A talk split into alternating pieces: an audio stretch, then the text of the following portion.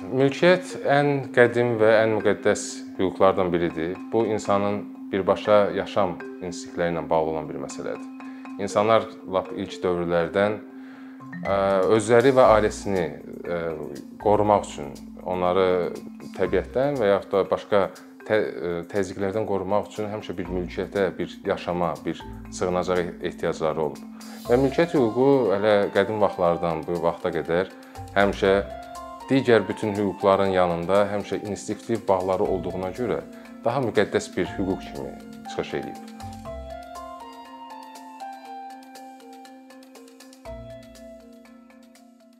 Məsələn, müqayisə demək olar ki, Azərbaycanda monolit binası ki var, həmin binanın tikintisi zamanı o məhəllədə yaşayan yaşlı kişi bir nəfər sakin öz evini satmamışdı. Axıra qədər mübarizə aparmışdı. Öz dədə-baba evi sayılırdı və onun mülkiyyətini qorumaq məqsədi ilə və yaxud da mülkiyyətinə hörmət məqsədi ilə binanın layihələri dəyişdirilmişdi. Hansı ki, həmin monolit binası hal-hazırda Bakının ən görkəmli binalarından biridir. Amma yenə də onun tikildiyi dövrdə mülkiyyət hüquqlarına hansı səviyyədə yanaşılırdı görmək olardı. Mülkiyyətin qorunması üçün müxtəlif yollar da var. Hansı ki, bəzən şəhərsalma qanunları elə qurulur ki, müəyyən mülklər sökülməli olur və müəyyən mülklər də saxlanılmaq məcburiyyətinə qalır. Məsələn, Azərbaycanda Bakıda bir misal gətirmək olar. İsa bəy Hacınskinin evi Füzuli küçəsində yerləşən. Həmin bina yola görə sökülmək təhlükəsində idi, amma o sürüşdürüldü.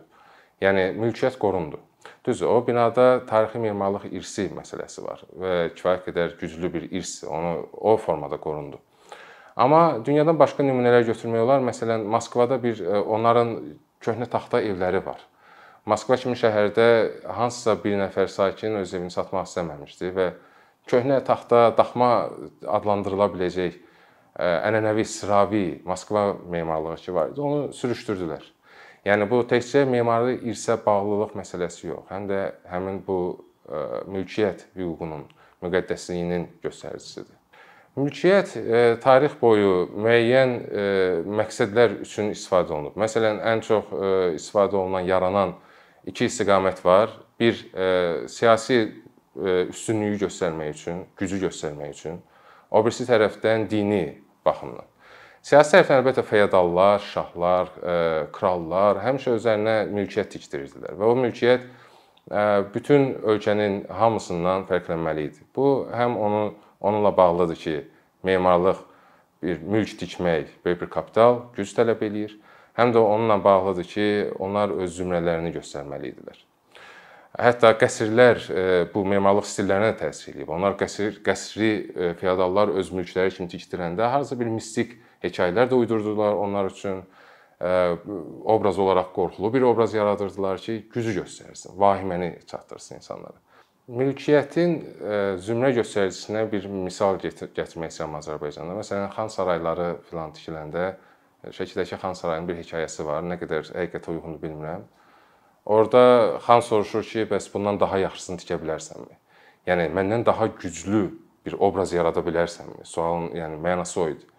Və memar demişdi ki, hə, tikərəm. Yəni normaldır bu bütün memarlıq üçün.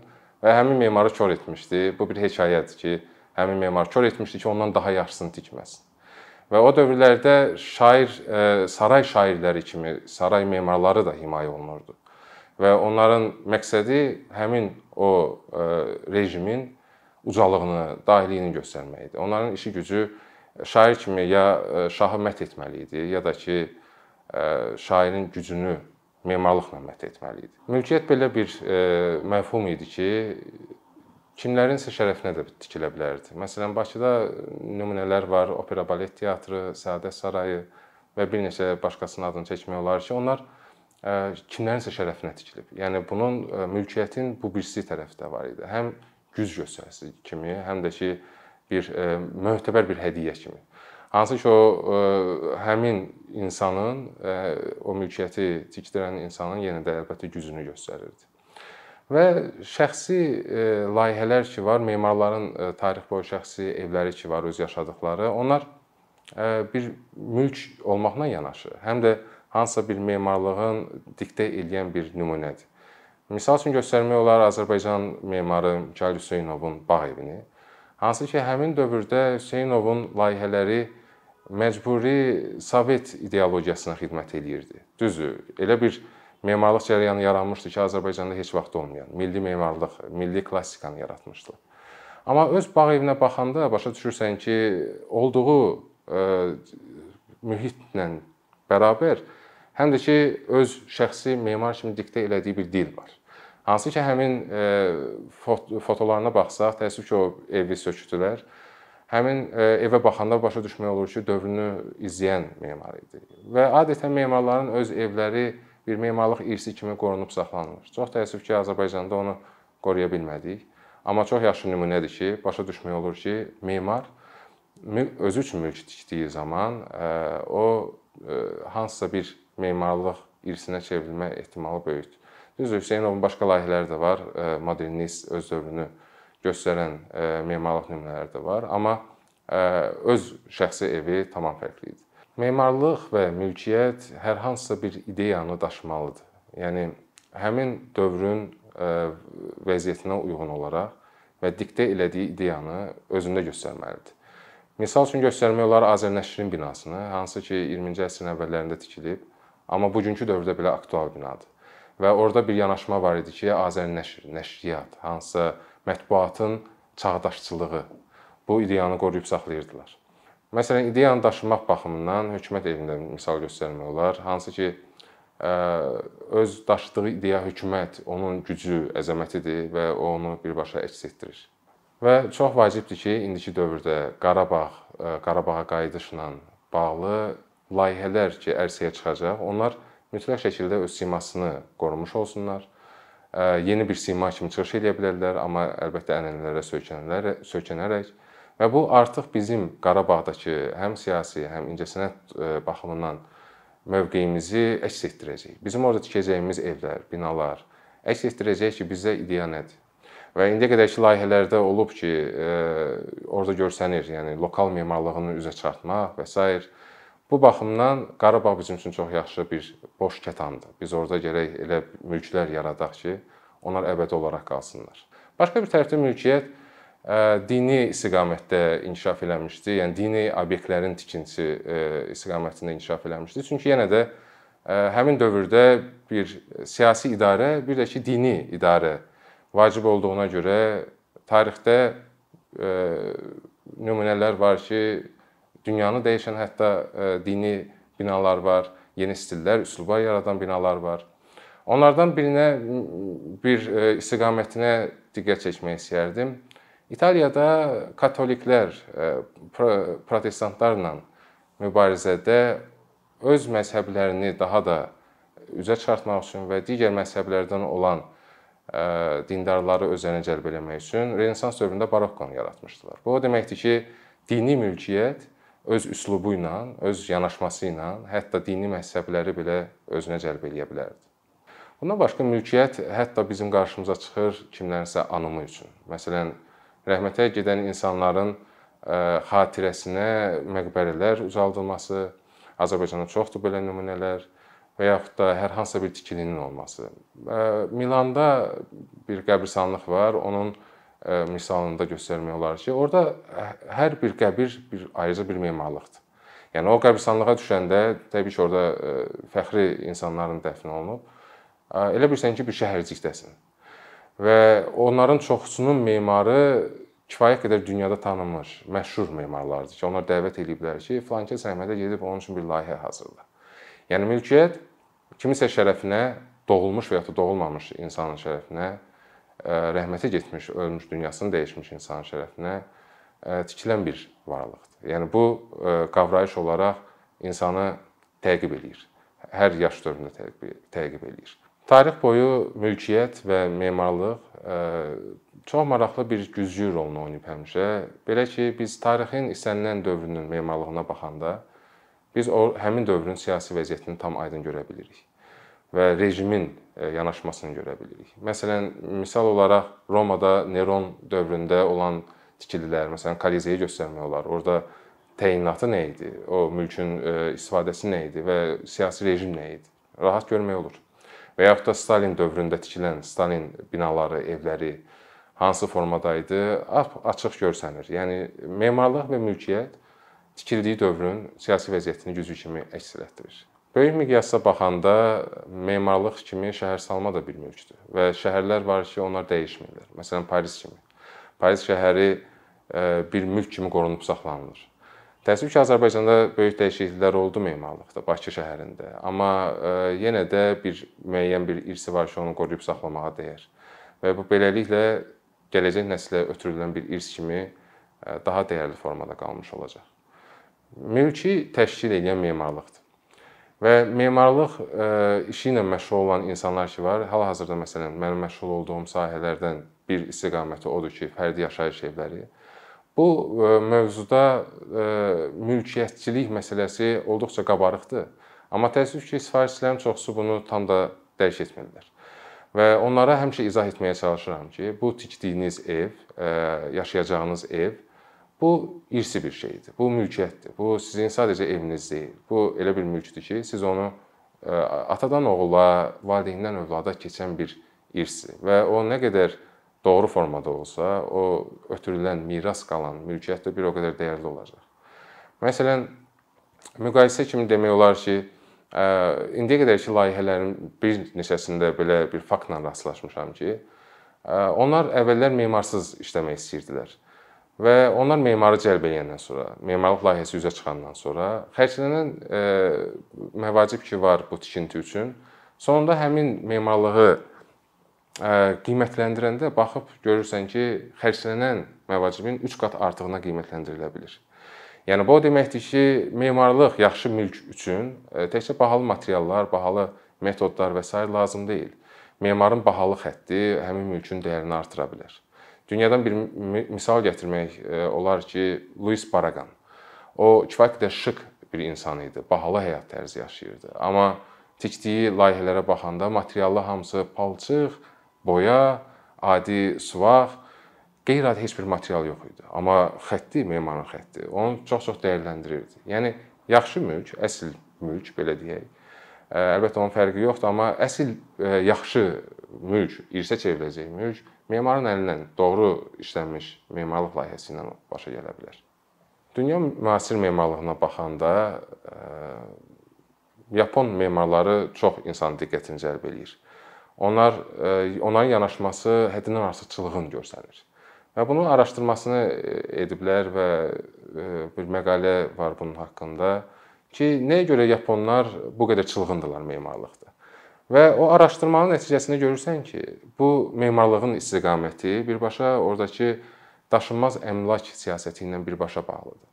Çünki yaponlar ev tikdiyi zaman ev evlərinin dəyəri həmin düşməyə başlayır və onlar ipoteka ilə bu evləri tikirlər. Və ipotekanı ödəyib qutarana qədər evin dəyəri o qədər düşməyə başlayır ki, sonunda sadəcə torpağın dəyəri qalmış olur.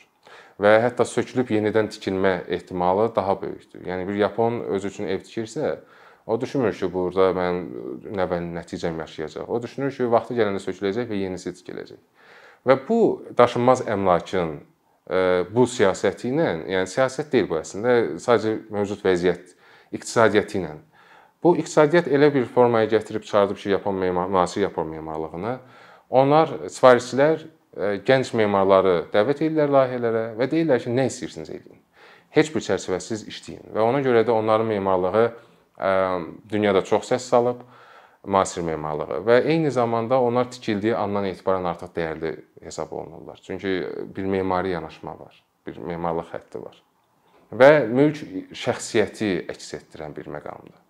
Belə ki, əgər sifarişçi gəlsə yanıma ki, mən deputatam və yaxud da hansısa bir e, dövlət qurumunda çalışıram, mən baxacağam ki, onun üçün hansı üslubu seçməliyəm ki, onun həyat tərzinə uyğunlaşsın. Və yaxud da gəlib desə ki, mən cazmenəm, caz ifası ilə məşğulam, onun üçün tamam başqa bir layihə çıxacaq. Bunun müqayisəsini ən yaxşı biz göstərə bilərik dərzilik sənətində. Məsələn, təsəvvür edin hər iki həmin o müştəri gedirlər dərziyə və onlar pencək tikdirəcəklər özlərinə. Əlbəttə deputatın getdiyi iclaslar, iş yeri və s. orada rəsmiyyət tələb olunur. Amma cazmen o rəngli, güllü geyinə bilər. Onun işi və həyat tərzi tamam başqadır. Ona görə burada belə bir məqam yaranır ki, hər bir memarlıq, əgər fərdi yaşayış evindən söhbət gedirsə, sifarişçinin əyninə tikilən bir geyim kimi olmalıdır və onun həyat tərzini tam əks etdirməlidir. Məsələn, sual yaranır ki, bəs bir tipli, eyni tipli evlərdə yaşamaq necə? Necə ki, Bakıda çoxdur nümunələri, 5 mərtəbələr, 16 mərtəbələr, 9 mərtəbələr və s. Onlar kütləvi istifadə üçün tikilirdilər. Bu məqamda əlbəttə insan üçün lazım olan ən baza ehtiyaclarını ödəyəcək evlər layihələndirmək olar. Amma bir memar olaraq mənə deyəndə ki, hazır layihəm varmı, mən özümə ev tikmək istəyirəm, mən onu heç vaxt qəbul eləmirəm. Səbəb də odur ki, bu yenə dediyim kimi sənin həyat tərzinə, tələblərinə və büdcənə uyğun olmalıdır, coğrafiya ilə səsləşməlidir və s. və ilaxır. Yəni bu bunları bilmədən, bu informasiyaları almadan hansısa bir layihəni işləmək olmaz. Memarlıq həyat tərzinə cavab verməlidir və bunun göstəricilərindən bir nümunə var dünyada. Bu yaxınlarda qarşıma çıxıb. Bir skeyt sürən insanın evi memarlığın 40% e, demək olar ki, skeyt meydançasıdır.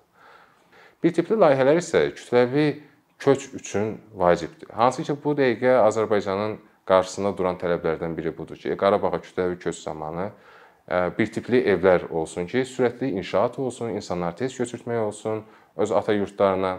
Burada artıq maraqlı bir məqam yaranır ki, bir tipli ev verməlisən, layihəsi verməlisən və bu insanın bütün tələblərini ödəməlidir. Eyni zamanda insan orada bir mülk kimi, ata-baba mülkünün bərpası kimi qalmalıdır və irsə çevrilməlidir. Nəsildən nəslə keçməlidir. Və bu bunun üçün elə bir forma seçməlisən ki, o inkişaf eləyə bilən olsun, qəlib olmasın, tabut olmasın. Məsələn, müqayisə eləsək bu tip memarlığın misal gətirsək, İspan bir memar var, Alejandro Aravera adında. Onun Pritzker mükafatı alıb, hansı ki bu mükafat memarlıqda Nobel mükafatı səviyyəsindədir. Onun yanaşması belə idi ki, sosial evləri layihələndirəndə bir forma qururdu.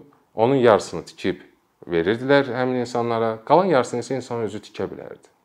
Və bu yanaşmadan ilhamlanaraq biz e, Qarabağ üçün layihələr verdik. Xudafərin e, qəsəbəsi üçün biz e, layihə verdik və orada o yanaşmanı saxlamağa çalışdıq ki, insanlar qəlbin içinə düşməsinlər. Düşsünlər minimum şərtlərlə, amma sonradan onu inkişaf edib artıra bilsinlər. Bu artıq mülkiyyətə çevrilə bilər. Çünki eyni tipli evlər cəmiyyət üçün çox lazımdır və artan insanlar üçün çox lazımdır. Amma bunu elə layihələndirmək olar ki, o həm özünə nəsə qatsın, həm də ki, müəyyən bir çərçivə daxilində mükəmməl bir memarlıq olsun. Mülkiyyət müqəddəs və irsi bir məfhumdur və memarlıq o formada düzgün olmalıdır ki, orada yaşayan insan həm büdcə baxımından, həm tələbləri baxımından, həm də bunu irsi olaraq keçirmək baxımından, mülkiyyət hüququnun dəyəri baxımından doğru formada olsun.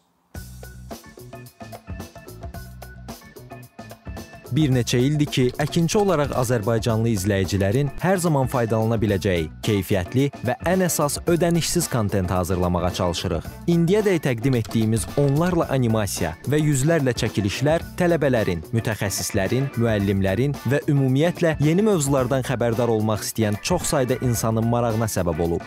Bu illər ərzində hazırladığımız videolar təhsil, texnologiya, ictimai fəallıq, iqtisadiyyat, gender bərabərliyi, ətraf mühit, ifadə istifadə azadlığı, hüquq, demokratik inkişaf, mədəniyyət və digər mövzuları əhatə edib. Məqsədimiz çoxlu baxış gətirən deyil, çoxlu fayda gətirən videolar hazırlamaqdır. Amma bu düşündüyümüz qədər asan deyilmiş. Gördüyümüz iş kifayət qədər resurs, əmək və təbii ki, davamlılıq tələb edir. Bu səbəbdən Patreon platformasından istifadəyə başladıq. Əkinçinin Patreon hesabının populyarlaşmasına çox böyük ümidlərimiz və gözləntilərimiz var.